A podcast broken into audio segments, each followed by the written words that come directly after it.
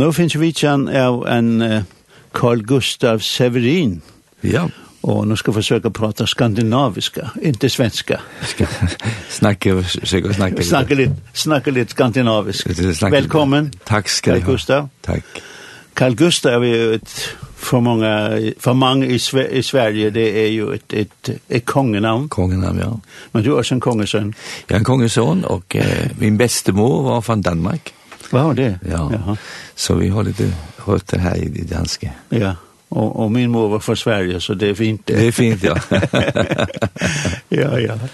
Men og velkommen till ferien, till ferien också. Takk skal du ha. Ja. Du tycker meg, du tykker om Sverige eller om om Färjön? Jag jag älskar detta detta ja. dessa öarna här. Ja. Eh jag har been här för 8 8 8 gånger. Aha. Så nästa varje år är här. Ja. Ja. Varje år. Och färingar man är glad för att du kommer här. För vi hoppas, vi hoppas. ja. Vad jag älskar, jag älskar det folket och jag älskar, jag har been i Keldan, Keldan och på många, många år. Och jag, jag älskar folket här. Ja. Jag älskar det, mentaliteten och eh, blivit så forelsket i detta, detta landet. Då. Ja, men litt om ditt liv. Ja. Gustav, du eh, jo 69 år. Ja. 69, født i 53. Ja, 53. 53. Ja. ja. Eh, jag föddes i, utanför Göteborg i Sverige. Eh, en, och sen när jag var fem år, flyttade mina föräldrar till en annan plats i Småland, skulle Gislaved.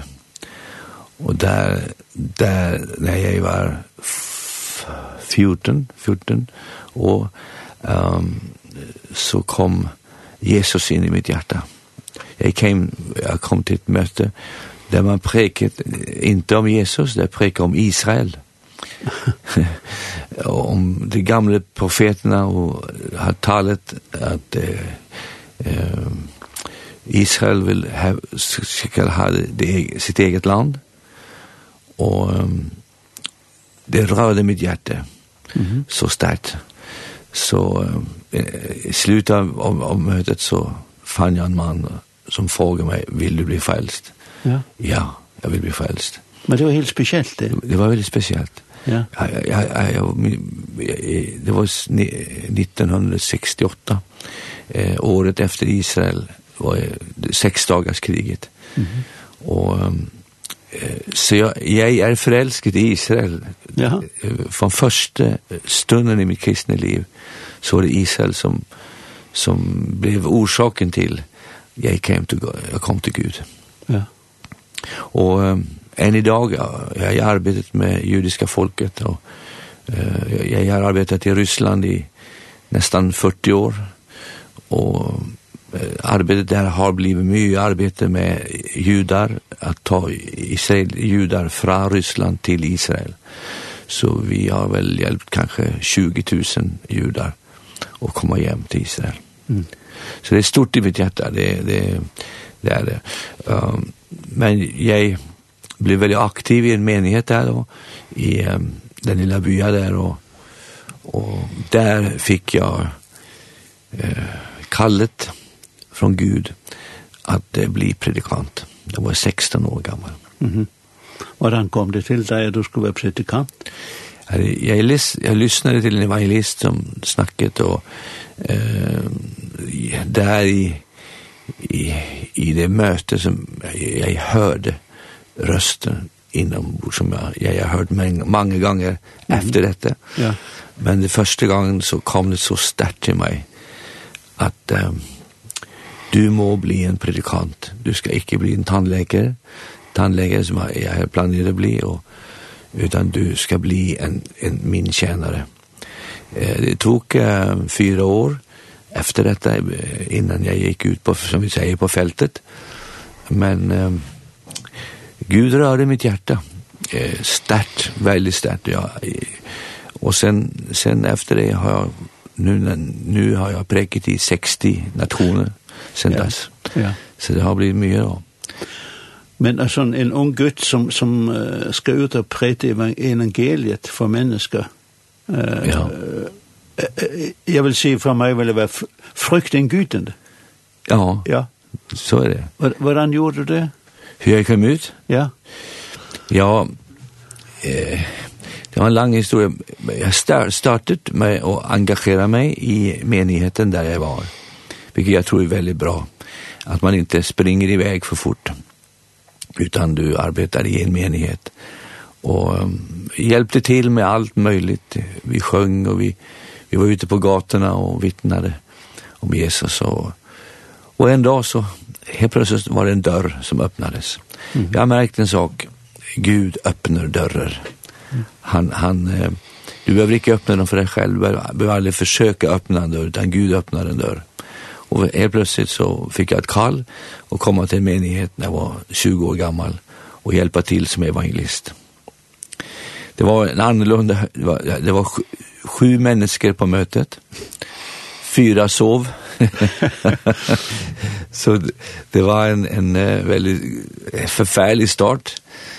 Men då, då kände jag i mitt hjärta att du må inte just bara preke för dessa sovande människor. Du må gå ut och preke för barnen. Så jag fann en lokal i, i, i, i den bya där och där började jag ta min gitarr och hade vi, vi sa på flannelograf which was we had pictures on the wall yeah. about Jesus and I tell them the stories.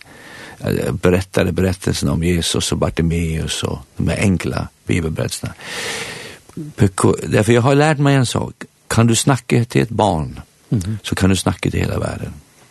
Kan du präka för ett barn och barnet lyssnar då kan du nå alla med evangeliet. Så mitt, eh, med, mitt liv började med, med barn.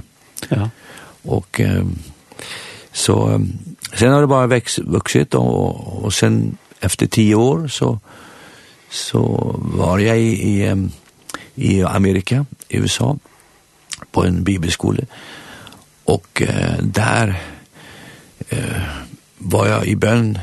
Vi bad och vi bad och vi bad mycket för, för Ryssland och för, för eh, Sovjetunionen, gamla Sovjetunionen. Eh, vi bara att vårregnet ska komma över landet och att vi bara att, att eh, nu må Guds ande komma över landet och röra vid ryska folket. Och där, precis där då, så får jag se en syn. Jag har aldrig haft en syn före och ingen efter heller, så det var väldigt speciellt.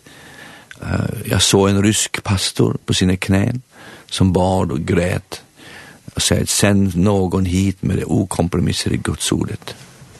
Eh, och och då jag hörde Guds röst i mitt hjärta att du du ska gå dit med evangeliet. Mm. Så kom det kallet. Ja. Men inte är höra Guds röst, men så kommer allt det praktiska det att komma dit då. Ja. ja. Och det det tog ett år då. Uh, och jag, jag visste inte hur jag skulle, det var en sak hände när jag kom tillbaka efter det bön, bönemötet då, då helt plötsligt så kom det en man fram till mig och sa Carl Gustav. Uh, jag har sett en syn sa jag har ett ord, profetiskt ord till dig. Mm. jag såg den här synen den här pastorn som bad. Så sa han, du ska åka till Ryssland sa han. Jag har fått ett ord från Gud, du ska åka till Ryssland. Han visste ingenting om detta. Och du ska alltid komma hem igen levande, sa han. För vi var lite rädda på den tiden för, för ryssen, som de är nästan som det är nu då. Um, men då tog Herren bort all min frukt. Han, den försvann helt och hållet och jag blev bara så förväntansfull att sen tog det ett år. Helt plötsligt så öppnade Gud en dörr för mig att åka in i Ryssland med några finska vänner som frågar, vill du åka med till Ryssland? Och absolut. Mm. Och när vi kommer dit så sätter jag mig i mötet där. Och så kände, då kände jag, nu kliver du in i en ny period i ditt liv som kommer att ta hela ditt liv egentligen framöver. Och kärleken jag kände till, om du inte har kärlighet, kärlighet till det du ska preka för så blir det aldrig bra. Du må elske folket, du må elske landet, du må elske de människor du ska stå inför. Du kan aldrig hata ett folk, varenda, hur hemskt den är. Så um, jag sitter där och så frågar jag pastorn om jag kan be för psyke. Nej, det går inte, så. Du kan inte be för det psyke, därför att det är, det är um, farligt, så. Men efter mötet så stod det fem, sex äldre damer och, så, och slog på sina huvuden och sa, be för oss, vi hörde vad du sa. Så vi gick ner i källan där och vi, vi började be. Och jag tittade upp till vänster, alldeles vid, så se, då ser jag den mannen som jag hade sett i synen ett år tidigare stå med tårar i sina ögon. Han var pastor i en annan menighet. Och när jag var färdig så sa han, kan du komma till våran kyrka också och preka? Och det blev öppningen sedan till många, många reser inn i Ryssland. Fikk du så problemer at de bare forsøke? Ja, ja. Det, var, det var speciellt. Men jag kom till hans kyrka bara dagen efter. Och där så sa han preke länge nu, så det är inte många präkare som säger det. preke länge, sa han. preke lång tid, sa han. Och jag preke en timme, två timmar, han sa det är för kort, man preke längre. Folk har kommit långa vägar till det här mötet. Det var ett litet hundhus som den ryske saren hade haft för sina hundar för hundra år sedan. Där ute i skogen, där. Där ute hade vi det här mötet. Och Guds ande bara föll över folket. Och sen var det för psyke i fyra timmar efter det. Och massor med folk blev helade. Och sen eh, åkte vi till den platsen under flera år. Folk kom från hela Ryssland, från Ukraina, från Armenien, från olika delar, Vitryssland. Och ville höra Guds ord om. Och då blev det som vet du, makedoniska ropet då. Mm -hmm. Kom över och hjälp oss. Folk sa kom till Ukraina, kom till Sibirien, kom.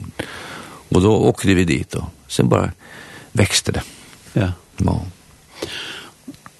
Alltså, hur länge var, var du så på den tiden i Ryssland? Var, var det många år? Ja, eh, det, de första åren var väl från 85 till 95-6 år åkte vi till den platsen. Sen började vi åka till andra platser, eh, till andra städer, andra byar. För det var ett ord Gud, Gud gav mig. Åk inte bara till de stora byarna. Åk till de små byarna. Åk till, till, till de människor som ingen åker till. Mm. Åk till de preker för de människor som ingen tycker om. Mm alla för jag frågade Gud ska jag åka till biskoparna? Ska jag åka till de höga potentaterna politikerna? Så han nej du ska gå till fängelset du ska gå på till gatan. Du ska gå till de som är, missbrukar alkohol och så vi vi gick till det slagna folket då. Mm. eh och och det det vi ser nu hemma i Sverige som sker också vi kan prata om det sen det är exakt samma sak. Gud börjar aldrig uppifrån han börjar från botten, han kokar grytan mm -hmm. nerifrån. Och, och det fick vi se. Så om du kommer till Ryssland idag och, och träffar alla dessa människor, träffar alla dessa predikanter och, och dessa folkerna som uh, blev vidrörda då så ska du veta att idag är de inga fängsel, kunde de ha fina familjer de har blivit upprättade och det är fantastiskt att få med om det. Ja på ett tidspunkt så kom du ju i sam samarbete med, med Livets Ord ja. i Uppsala. Mm. Hvordan begynte började började bör, det? Ja, det, bör, det började, jag åkte in först ensam i cirka fem år. Eh, och sen en, en resa så bjöd jag med Ulf Ekman och Lester Samrag in i Ryssland till en, en konferens vi hade i Tallinn och en i Petersburg. Och det blev öppningen då och Bara två år senare så flyttade jag upp till Uppsala och blev ansvarig för, ansvarig för Ryska inlandsmissionen som det heter. Mm. Och där vi fick från Gud att vi skulle samla in 40 miljoner kronor till Ryssland och till Sovjetunionen. Och nu är vi tillbaka i fyrsen. Ja, ja. ja. Så det var ju en en omöjlig uppgift men vi fick in inte 40 fick in 55 miljoner. Så vi hade ju tänkt att ta de pengarna och först och till att betala av skulden på på på på kyrkan men vi, vi kände väldigt starkt att vi ska inte ta till vårt eget vi ska ta det till Ryssland. Inte att ge massa pengar till folken men köpa litteratur och vi köpte videobandspelare så vi kunde ehm sända in preking och, och, och vi skickade till, Olt. vi, vi köpte hundra videobandspelare. Så att vi satt i hundra byar. Och vi tänkte det skulle bli hundra nya menigheter i Ryssland. Det blev det inte. Det blev 1000 nya menigheter. Så um, idag när vi kommer, ja, nu var jag i Moskva här för några veckor sedan, så är för menigheten nu nästan 6000 människor mm. i Moskva. Mm Och, och det finns 400 menigheter i Ryssland och, i, och det finns andra i Ukraina, Armenia, Azerbaijan, Kazakstan, Kyrgyzstan. En, alla dessa satellitländer eh, länder så finns det Guds verk idag. Ja. Och det är, man bara gråter när man tänker ja. på det att av ingenting blev det allt detta. Ja. Och vi fick bara med och, och en liten del och hjälpa till. Ja. Det är fantastiskt kan man säga det att du blev en del av livets år men du hade den stora visionen för Ryssland. Ja, så, så var det ju att jag hittade i livets ord samma vision. De bar på kallet också att, att åka till Ryssland. Och jag kände väldigt starkt att jag kan inte klara detta själv. Ingen klarar ett land själv. We have, we say, we, to get there, we have to work together. Yeah eh, ifall vi kommer någonstans så må man arbeta tillsammans med andra. Så våra liv blev eh, involverat i, i Livets ord och har varit sedan dess och är fortfarande med där. Även om jag nu är pensionär så eh, är ju det som är mitt hem då. Men du ser ju ut som en pensionär. Nej, jag känner mig inte heller som en pensionär. Nej. Jag fyller 70 ja. om några veckor. Men jag, jag brukar säga jag har gått ner på heltid. ja. ja. Men det här har ju varit vet du, mitt liv nu då sista 40 åren. Alltså vi vi vi got, vi blir så involverade i de, i dessa länderna och i de folken som var där i Ryssland och Ukraina. Nu är det krig så nu är det en väldigt svår situation i, i mellan Ryssland och Ukraina. Men Gud älskar både dessa folken Och det är väldigt viktigt att vi prekar evangeliet för både folken då. Mm. Eh, evangeliet är för alla. Och, och det må, vi må aldrig glömma, det, glömma detta. Evangeliet gäller alla människor på jorden. Och Jesus kärlek gäller alla. Och dog för alla. Och han vill frälsa alla. Ja. Det är lätt för oss att en, en politisk makt överskuggar det budskap som Jesus har givit oss. Mm, så är det. Och idag är folk lider i Ukraina idag. Jag har varit i Ukraina och jag har sett mina egna ögon hur svårt det är i detta landet just nu. Hur, hur sargat landet är, husen och bombat och en förfärlig tid. Men ändå hur folken och speciellt de kristna folken de reser sig upp och hjälper andra människor och och Kristi kärlek flödar ut till till det ukrainska folket. Så vi har ju skickat in mycket hjälp och och vi vi har startat nu de de de dessa ukene fyra bibelskolor i Ukraina för att hjälpa folket att hålla modet uppe. Ja. Du har en en speciell vän som heter som heter Staxet. Sebastian Sebastian Staxet. Ja. Og innan vi går videre, så måske vi skulle lytte på et, uh, en, en, en låt, som det hedder på svensk. Ja, ja. den heter Mamma förlåt. Ja, Mamma förlåt, han kan vi ta också, ja. Och en, jag vet inte om du har någon annan, men Sebastian är ju en, en rap, rappare. Han är inte från frikyrkorna då. han kommer direkt ifrån vänner har blivit min en av mina bästa vänner just nu. Ja. ja. Och jag arbetar mycket med honom nu i Sverige. Ja, han har helt särlig historia du kommer ska le. När vi lyssnar på det där så så hör vi den Ja. Mm. Så det blir Sebastian Staxet vi mamma förlåt.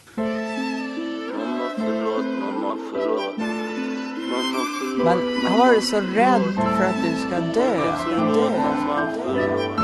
Bara beat som MK-list Ey, mamma förlåt mamma, mamma förlåt. Alla ser mig som ett monster, du den enda som förstår mamma. Mamma förlåt mamma, mamma förlåt. Det har aldrig varit meningen att såra dig så hårt mamma.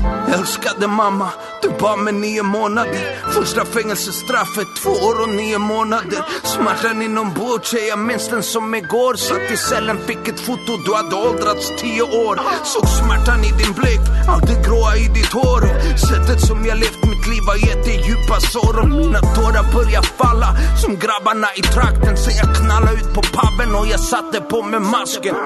Mamma förlåt mig, det var du som var mitt allt Men jag klarar inte vara med dig när hjärtat blivit kallt. Distanserad från familjen, parkerad gröna linjen. Där stjärnor siktar högt och sen vi faller ner från himlen. Det var du som gav mig mat, satte kläder på min rygg. Allt jag gav dig var fruktan, borde se till att du var trygg. Precis som om jag bet samma hand som gav mig bröd. Och du väntade på samtalet att sonen din var död. Förlåt. Mamma förlåt, mamma, mamma förlåt. Alla ser mig som ett monster, du den enda som förstår Mamma, mamma förlåt mamma. Mamma förlåt oavsett om du förstår Det. Har varit väldigt svårt mamma. Mamma förlåt mamma. Mamma förlåt för alla kvällar som du suttit Och undrat vart är min son mamma. Mamma förlåt mamma. Mamma förlåt det har aldrig varit meningen Shoutout till support mamma. Mamma förlåt. Jag vet du har haft det svårt. Djävulen han lockar mig sen höll han mig så hårt. Med kokainpsykoser, alkohol sen letar droger. Han skickar fler demoner varje gång. Lär han åt mig. Kedjorna rasslade, jag sårade igen. Och på grund av mig polisen kom och stormade ditt hem. Och som jag lekte med elden, nej jag borde varit död. Men i sista sekunden Gud svarade på bön. Och jag minns den dagen jag förstod att jag var fri. Idag Herren kasta ut alla demoner inuti Och jag tänkte på mamma alla åren som jag missat. Fienden är äcklig, han kommer för att splittra. Jag sprang som ett barn och jag knackade på din dörr mamma. Och sa förlåta precis som det var förr mamma. Du börjar gråta som min älskade son. Jag har väntat på den dagen här i över 15 år förlåt. Mamma förlåt mamma, mamma förlåt. Alla ser mig som ett monster, du är den enda som förstår. Mamma, mamma förlåt mamma, mamma förlåt. Oavsett om du förstår, det har varit väldigt svårt Mamma, mamma förlåt mamma, mamma förlåt För alla kvällar som du suttit och undrat vart är min son Mamma, mamma förlåt mamma, mamma förlåt. Det har aldrig varit meningen att såra dig så hårt mamma. Försonas med din mamma, med din mamma Det är nog flott Men de som fortfarande är i livet. Man vet inte hur lång tid man har chans. Men idag har du chans. Mamma förlåt. Allt det var Sebastian Staxet vi läge Mamma förlåt. Och i stoven tjockon är Carl Gustav Severin. Carl Gustav den låt, den sang som han synger det, man, man kan føle hans lidelse. Mm. Fordi han føler hvor mange ganger han har sviktet sin mor. Ja. Uh, uh, fortell oss litt om Sebastian. Sebastian er en rapmusiker. Hiphop, han startade hiphopmusiken i Sverige. Hade en grupp som heter Kartellen som var väldigt, väldigt populär i Sverige alla människor i Sverige vet vem Sebastian är nästan. Det var en men hans budskap i disse musiken var ju hat. Det var mord. Det var kriminalitet. Han rånade, han sjöng och han rånade banker. De tog pengar och de misshandlade människor. Och det var mycket våld. Och. Han blev mobbad i skolan. Eh, och de slog honom, de misshandlade honom och hatet i hans liv växte upp.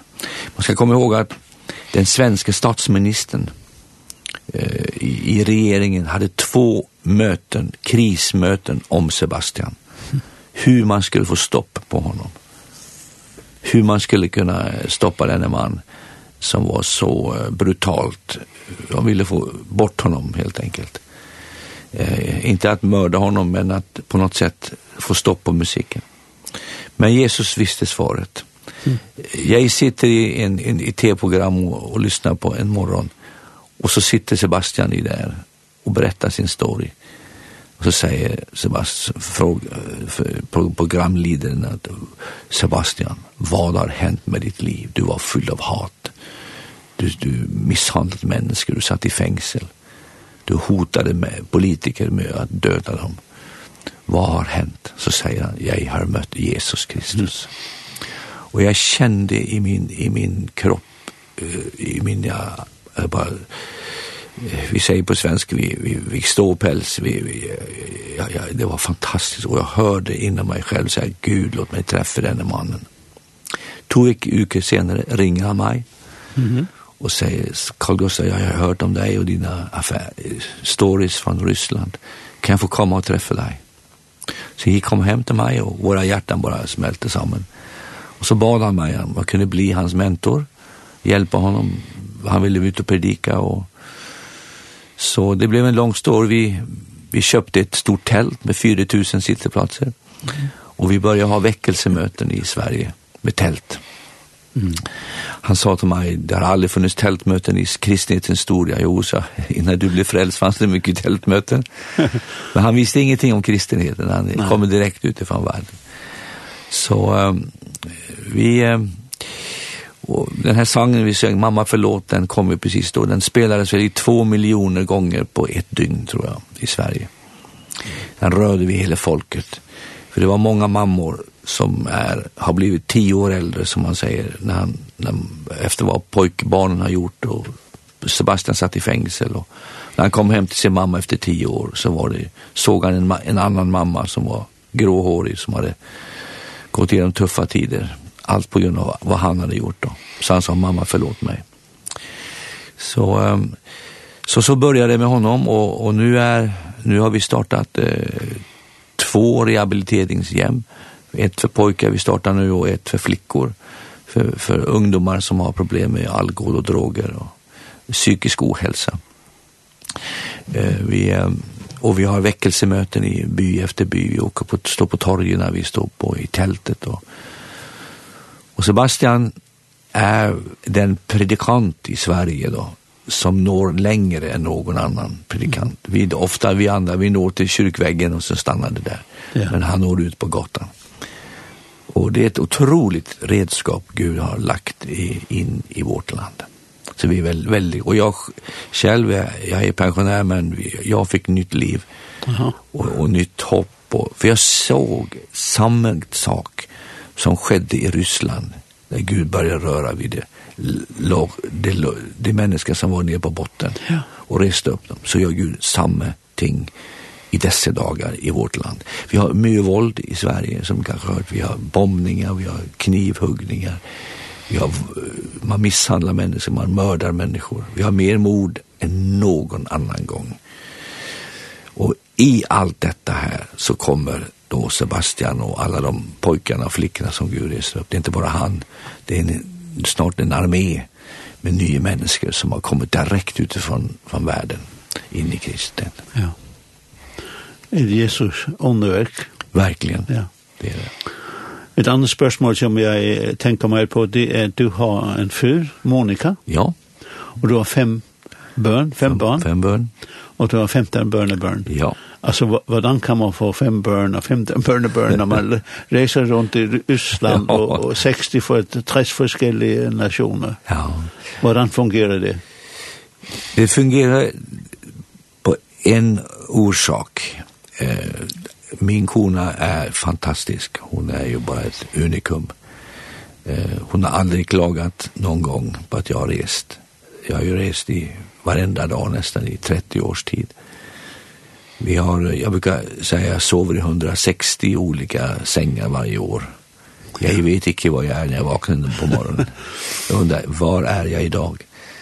Eh, hon har arbetat på sjukhuset som psykoplayer. Hon har eh, tagit hand om fem barn. Eh, aldrig klagat att en fantastisk människa. Stått bakom kulisserna och stöttat mig och Och nu när barnen är utflugna så är hon med mig och nu reser vi tillsammans. Och det är jag väldigt glad för. Eh, och vi har 15 barnbarn. Och det, jag glömmer aldrig när jag hade min 50-års bursdag i Ukraina. Och det var 5000 människor som var på kalaset i en stor sporthall. Ja. Och de sjöng och det var ballonger och, och min dotter var med där. Och hon stod och tittade så såg jag tå, tårarna började strömma ner på hennes kist. Ja. Hon är själv läkare och högt utbildad, jättefin flicka. Så sen pappa, kan jag snacka lite till, till ukrainarna? Så. Jag vill säga någonting. Så stod hon upp inför 5000 så tog hon mikrofonen och sa Pappa, jag undrar alltid var du var, sa han, när jag var liten. Du lekte inte med mig som andra pappa gjorde i, i sandlådan. Och, men du var ju här, sa han. Så sa hon, tack pappa, att du inte stannade över mig, men du åkte hit och berättade om Jesus för det ukrainska folket. Det gjorde gott i mitt hjärta. Ja. Jag var inget hat för henne att jag var borta. Hon såg Gud i det. Så vi har lyckats med vår familj. Vi är väldigt glada för våra barn. Barnen, de, de älskar Gud. Och vi, vi tackar Gud vad de gör för Gud också. Ja. Mm. Um, du reser fortfarande stående stadigväck ja. till, till forskjelliga lande. Och du ser, du predikar evangeliet. Ja. Um, er det, er det forkert for meg å si at vi hører, hører for litt av evangeliet rundt om i kirkene, mm. for litt på gatene, mm. for litt uh, i fjernsyn, for litt i radio. Og hvorfor er det sånn? Jeg vet ikke, jeg vet ikke hvorfor, men jeg tror du har helt rett. Vi er for lite ute på gatene.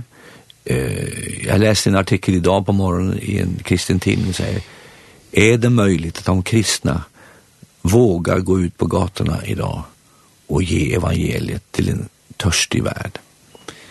Jag tror att nu är det nu är den bästa tiden, nu är den finaste tiden att gå ut och dela evangeliet om Jesus för människor över hela över världen. Idag är folk mer öppna. Jag hörde nu från Moskva att de får be med 70 till 80 människor till frälse varje helg i menigheten. Det är nästan 100 per helg. Och det är nästan 5000 på ett år i en menighet. Därför att folk är öppna nu. Det är krig, det är, det är mörker, det är hat. Folk tränger ett budskap om korset igen.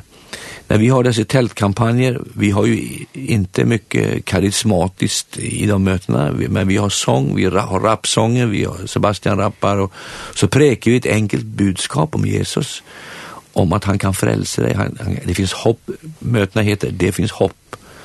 Och jag tror vi må predika nu hoppet till människorna. Inte dom, men hopp. För människorna är sargade, vi har aldrig haft mer unga människor som går på mediciner som lever i, i, i psykisk ohälsa där vi har idag. Vi har dessa mobiltelefoner där folk stressar sönder sig ungdomar med att eh, förstöra sina liv. Vi har folk som skär sig med sin, i handlederna, ungdomar, tonåringar. När du är ung människa då ska du ha visioner, du ska ha drömmar. Men många människor går under. Och där tror jag nu att nu är den finaste, den bästa tia för oss som kristna att vara ute. Och vi måste ut med på gav. Jag tror vi har luckat oss in med stängda dörrar. Mm. Men om den heliga an kommer över oss igen så kommer frimodigheten att, att våga dela evangeliet med dessa människor. Ja.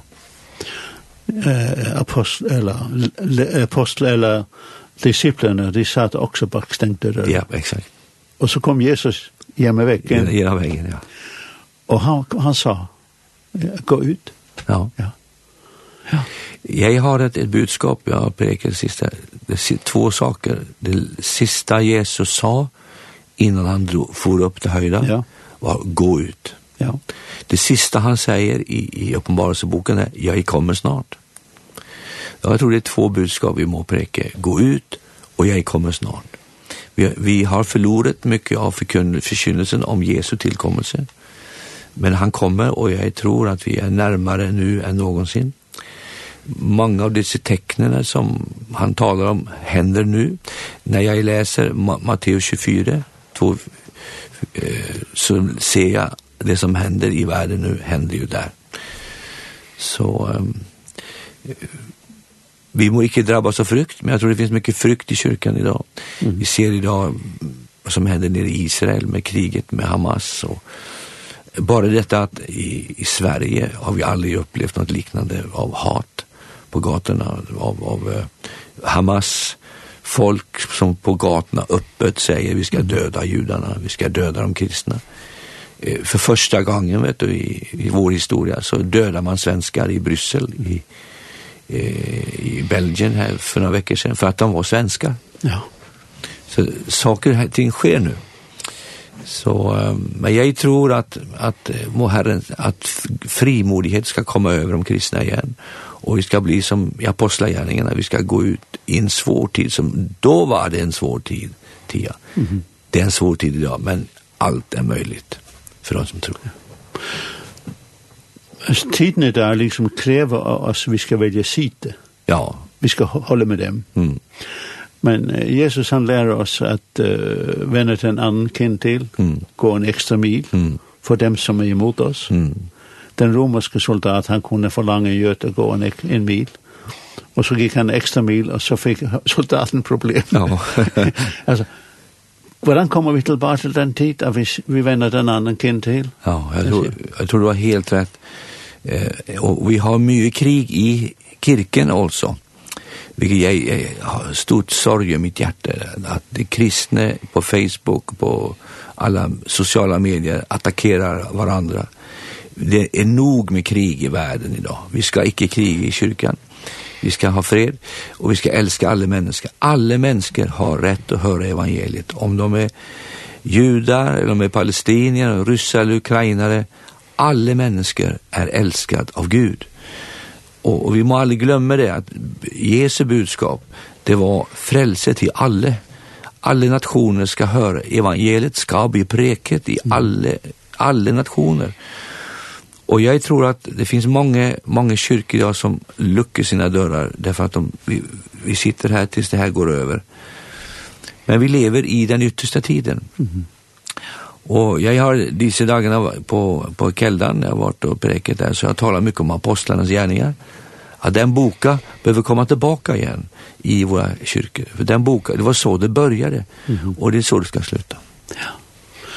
Jesus provokerar också uh, många gånger han säger en samaritansk kvinna en en manlig förslår en samar en samaritan kommer hjälpa ham och Jötan står det och, och, rasande. Mm. Vad menar han? Dem som mm. vi hatar. Ja.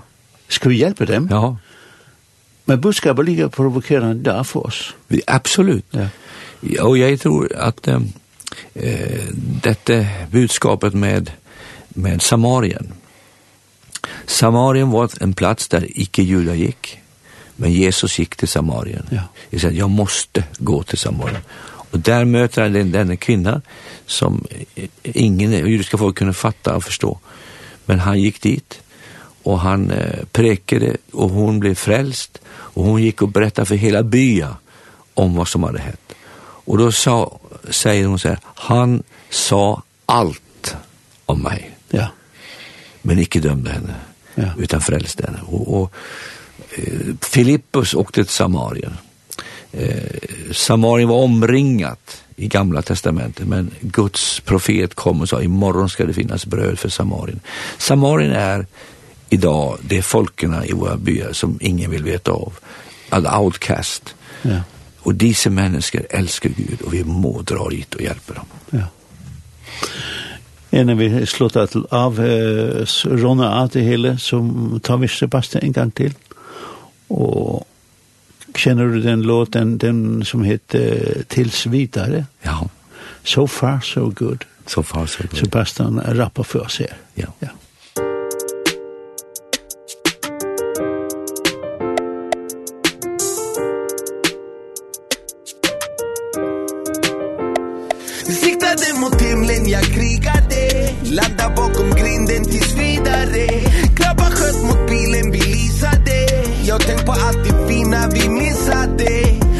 CD'lere girer min GoPro Grabbarna i någå känner det YOLO Sen jag kom ut och jag virade Jag tackar Gud min befriare Fotboll spelar över fucking Nintendo. Väckna sina vänner för att shoppa på NK Jag vill bara chilla tiden låna som Lendo. Ringer till min bror, ja vad händer sen då? Knäpp dina händer och låt oss be Att barnen slipper se allt som vi fått se. För kärlek och frihet, vi fightar som Rambo. Livet är mer än bara på saldo. Siktade mot himlen, jag krigade Landa bakom grinden tills vidare Grabbar sköt mot bilen, vi lisade Jag tänk på allt det fina vi missade Jag såg civilare glida med GoPro. Grabbarna i något, känner det YOLO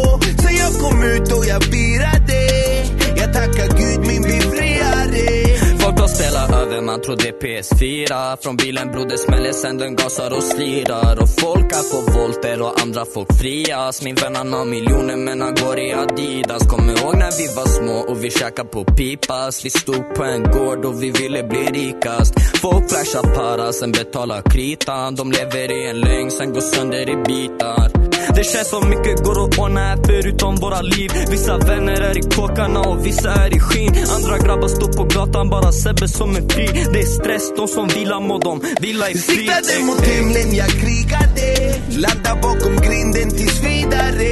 Grabbar sköt mot bilen, vi lysade Jag tänk på allt det fina vi missade Jag såg civilare reglera med GoPro. Grabbarna i något, känner det YOLO jag kom ut och jag virade Jag tackar Gud min befriare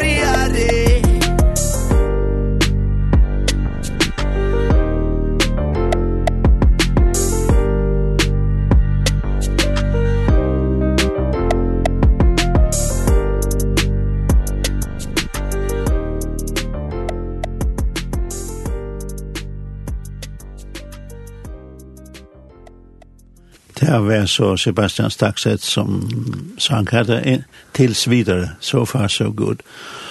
Och her i studiet har vi Carl Gustav Severin med ett kongligt namn. Kongligt med kongligt navn, det passer fint til deg. ja.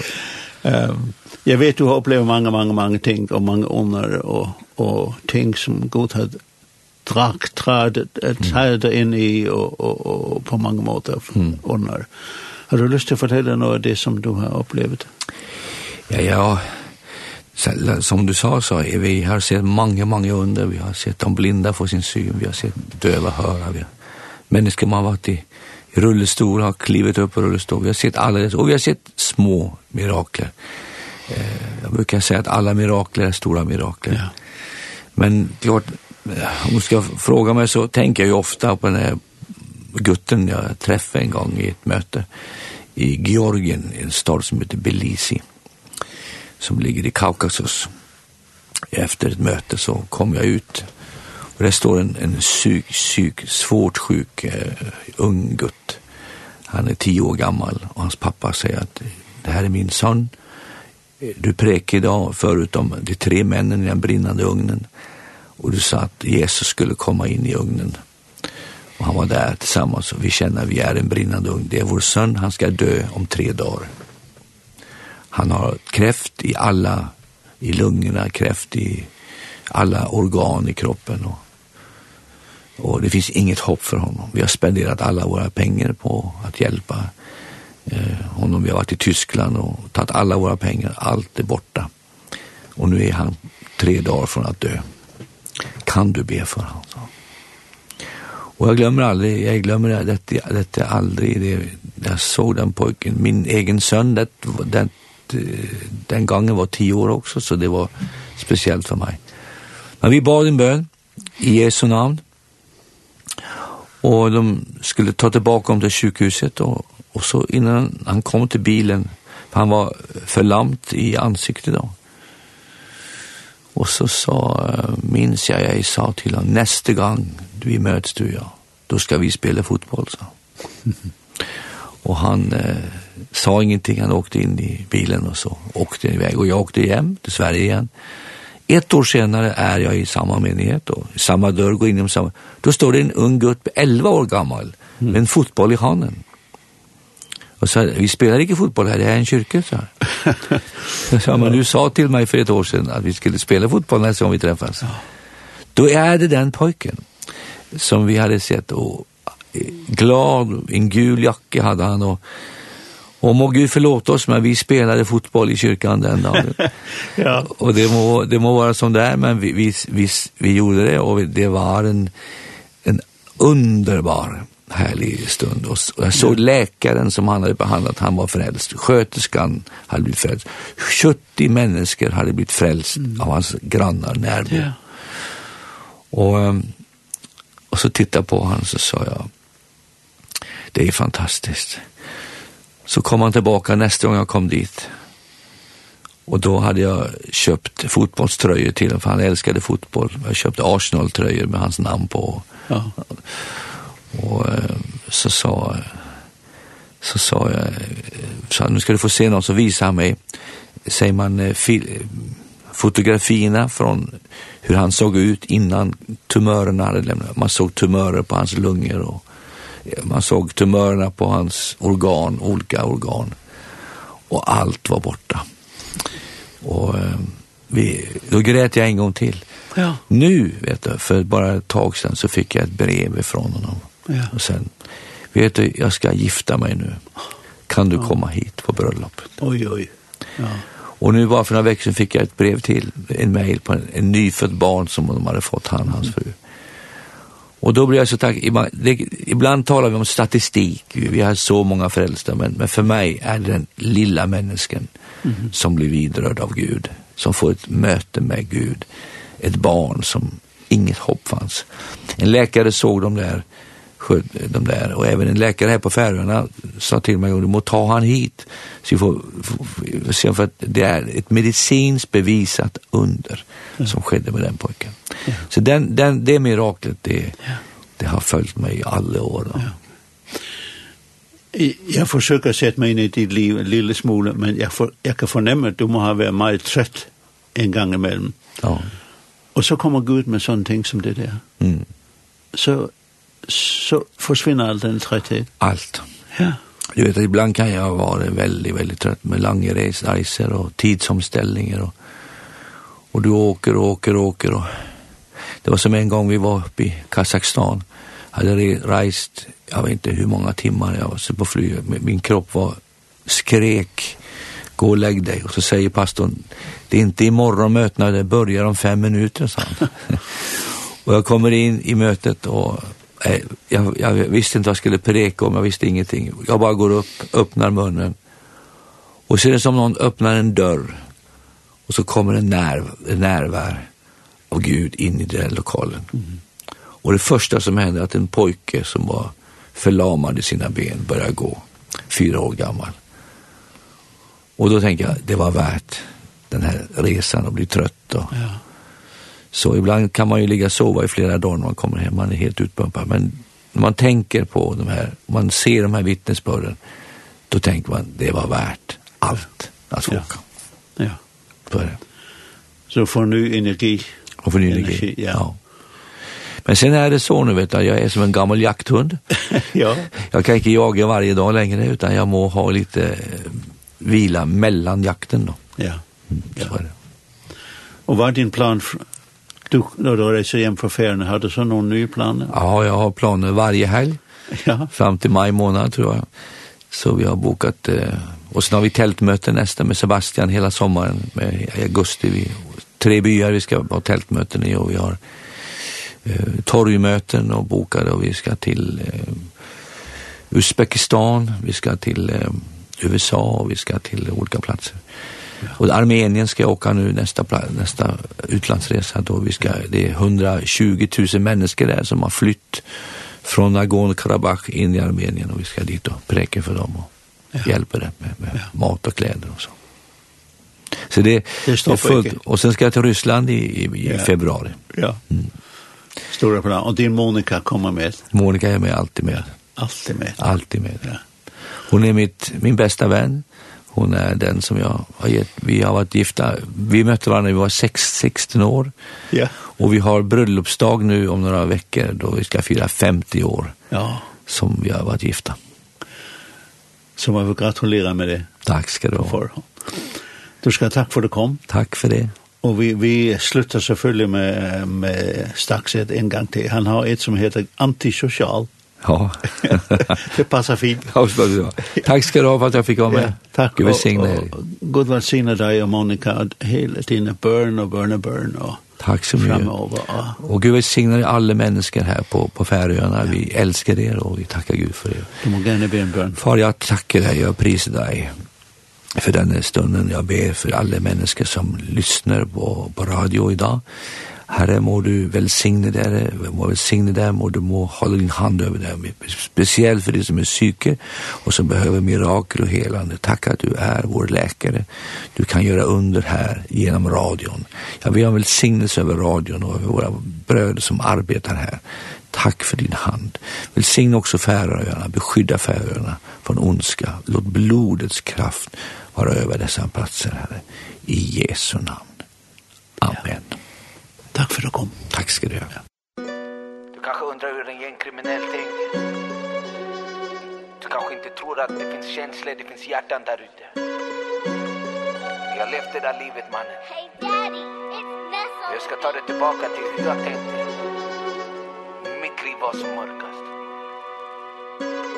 Det såg ut så här, mannen. Djävulen han viskar i mitt öra igen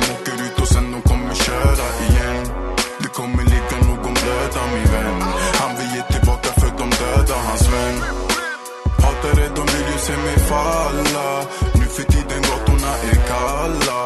Lillgrabben springer med yeah. tabanja. Med tabanja. En man är väst på min postadress. Försöker själv medicinera bort min stress. I en Audi R6 Vroom vroom den går fort. Fiende vill boom boom boom i min ort. Kontantkort telefon inga sociala medier.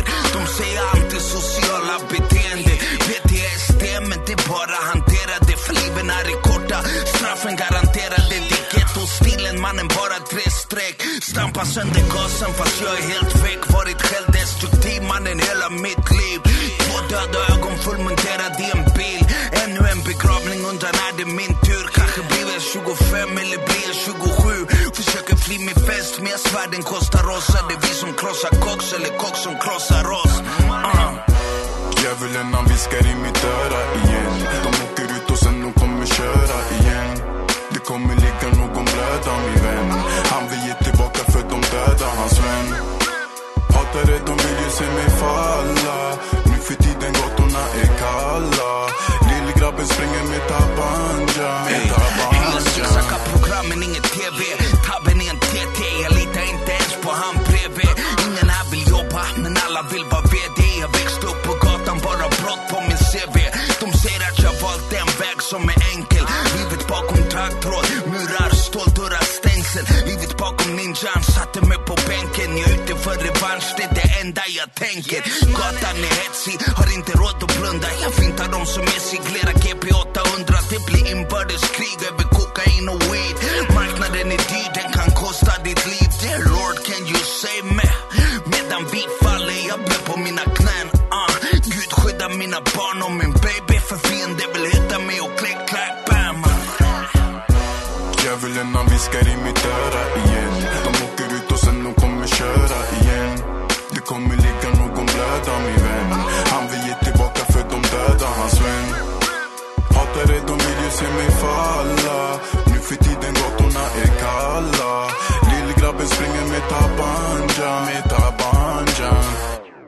det var Sebastian Staxet som sang for åkken antisocial.